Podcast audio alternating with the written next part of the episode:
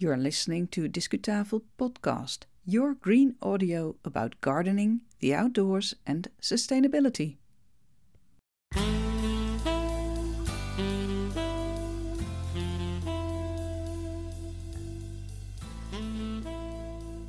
Hello, this is your podcaster Ivonne Smith speaking to you in episode number 158, which has been released on December the 21st, 2023.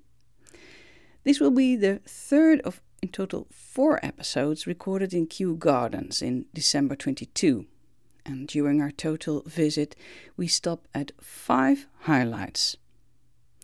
In this show, we explore highlight number four, which is the Princess of Wales Conservatory. In this show, we learn about a recently identified plant species which was hiding at Kew for almost two centuries before it was recognized. And we learn about Minerva Hamilton Hoyt. Who was she, and why is she being remembered as an early pioneer of the conservation movement? Well, listen to this disco coverage from Kew Gardens to learn more.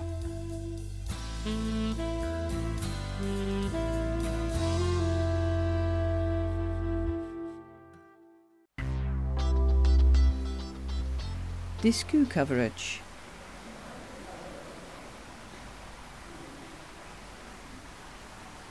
I've always thought that the Princess of Wales Conservatory had been named after Diana, Princess of Wales, who died in 1997. But this is not the case. This glass house was named for Princess Augusta, and she lived in the 18th century and she was one of Kew's royal founders. What can you expect here in the Princess of Wales Conservatory? Well, it's been said that this is the most technologically advanced of Kew's glasshouses, and the space is designed for energy efficiency. I see a stepped glass roof and the vertical walls are south facing, so they maximize sunlight. The glasshouse is embedded deep below ground to prevent heat loss, so you can take steps down here. Three large tanks harvesting valuable rainwater are also buried below the structure. Humidity and temperature are carefully controlled by computer in each zone of this glasshouse, enabling this richly biodiverse collection of plants to thrive. There are 10 display zones here in the Princess of Wales Conservatory. Over 12,000 plant specimens. So it's very impressive.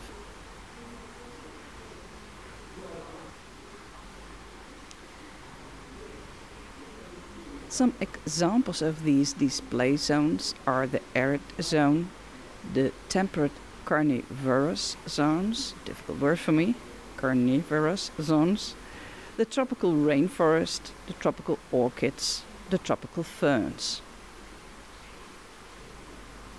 So let's explore some of these display zones in the Princess of Wales Conservatory.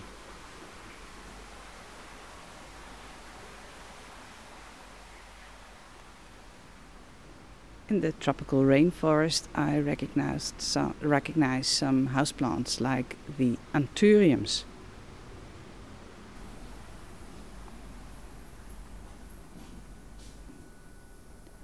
And in the tropical ferns section, I recognize a plant which my late grandmother had, and perhaps yours too. I don't know the English name, but in Dutch it's the Hertshoornvaren. I'll ask the studio what the English name is. Hello, Ivonne. This is the studio. The English name is Staghorn Fern. Thank you.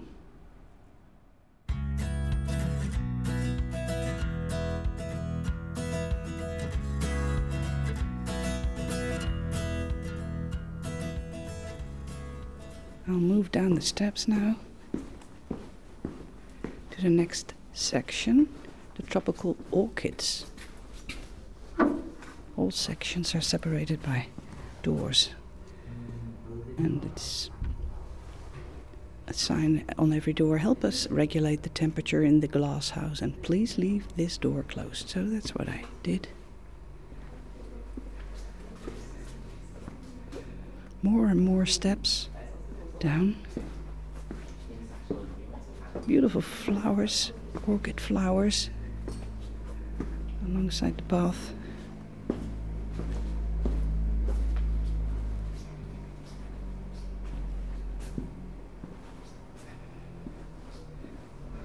green and purple everywhere.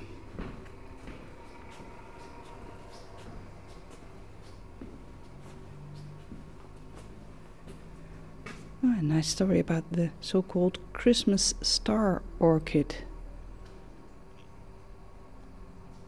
Apparently, the flowers are that big that lots of pollinating moths can use it as a landing site. it's nice. Next section, the temperate orchids. Slightly different temperature.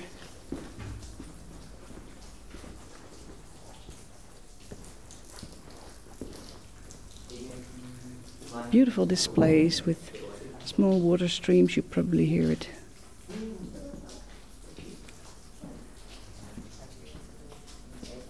Beautiful.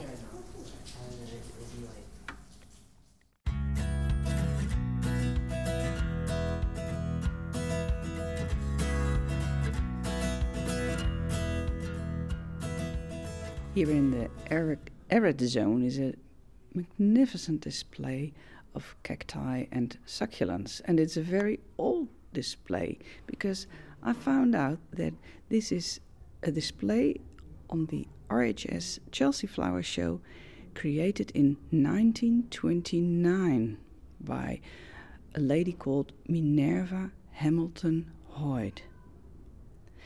After the show in 1929, she donated her display to Kew, making this one the oldest Chelsea flower show exhibit still in existence.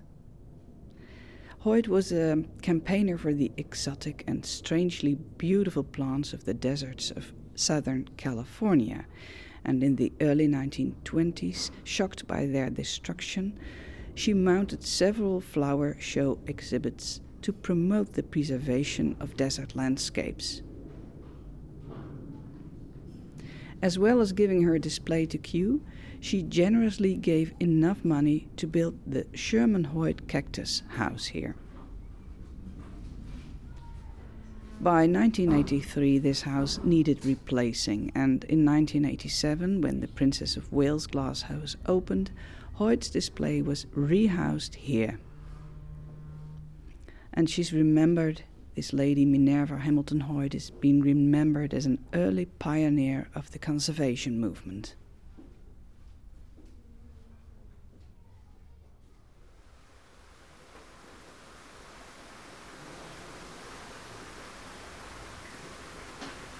I don't know if you have a pond in your garden. I have, but it's certainly not an, an impressive big pond like this one, and certainly not with those very impressive water lilies.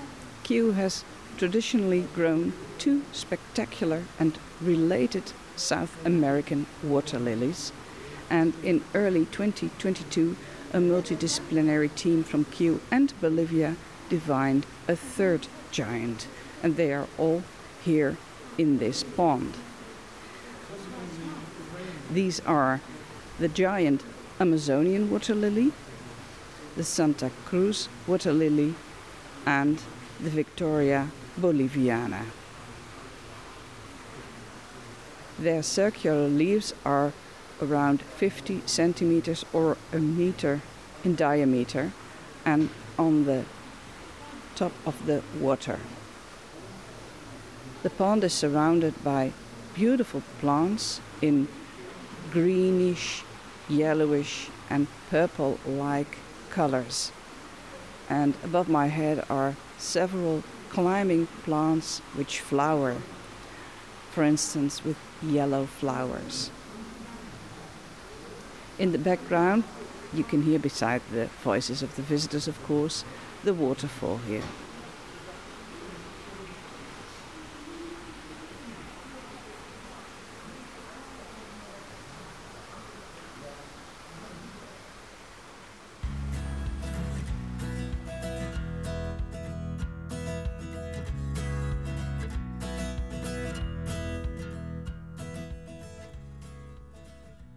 As Discutafel thinks Kew Gardens is inspiring for green hobby gardeners and for professionals alike, we explored the gardens and released a podcast series in December 2023.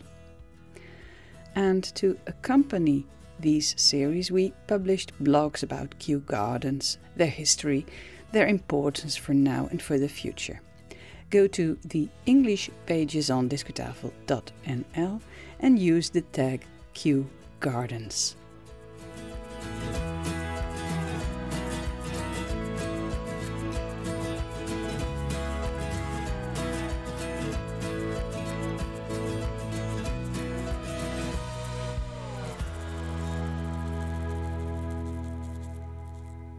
I'm afraid this is the end of my coverage of this visit to the Princess of Wales Conservatory. One or two minutes still left to talk about the water lilies. Back home, I did some research on the identification of these water lily species, and I found out that this Victoria boliviana has been named new to science at Kew after spending 177 years hidden under another name in the herbarium.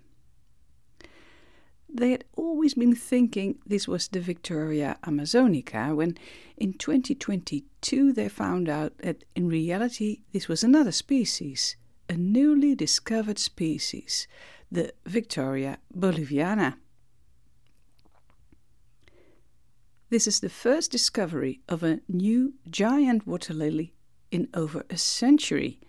But the surprises don't end there because Victoria boliviana is now the largest water lily in the world, with leaves reaching 3 meters wide in the wild. So, this was finally the last word of my coverage my visit to the Princess of Wales Conservatory.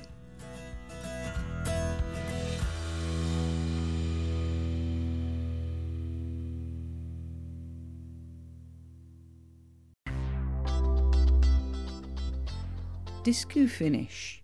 Thank you for listening to Discutafel podcast. We hope you enjoyed the show. Visit our um, website, it's called website discutafel.nl to learn more about the other episodes on Kew Gardens. If you really did enjoy this show, don't hesitate to recommend Discutafel to your family and friends who like gardening and the outdoors. Thanks in advance.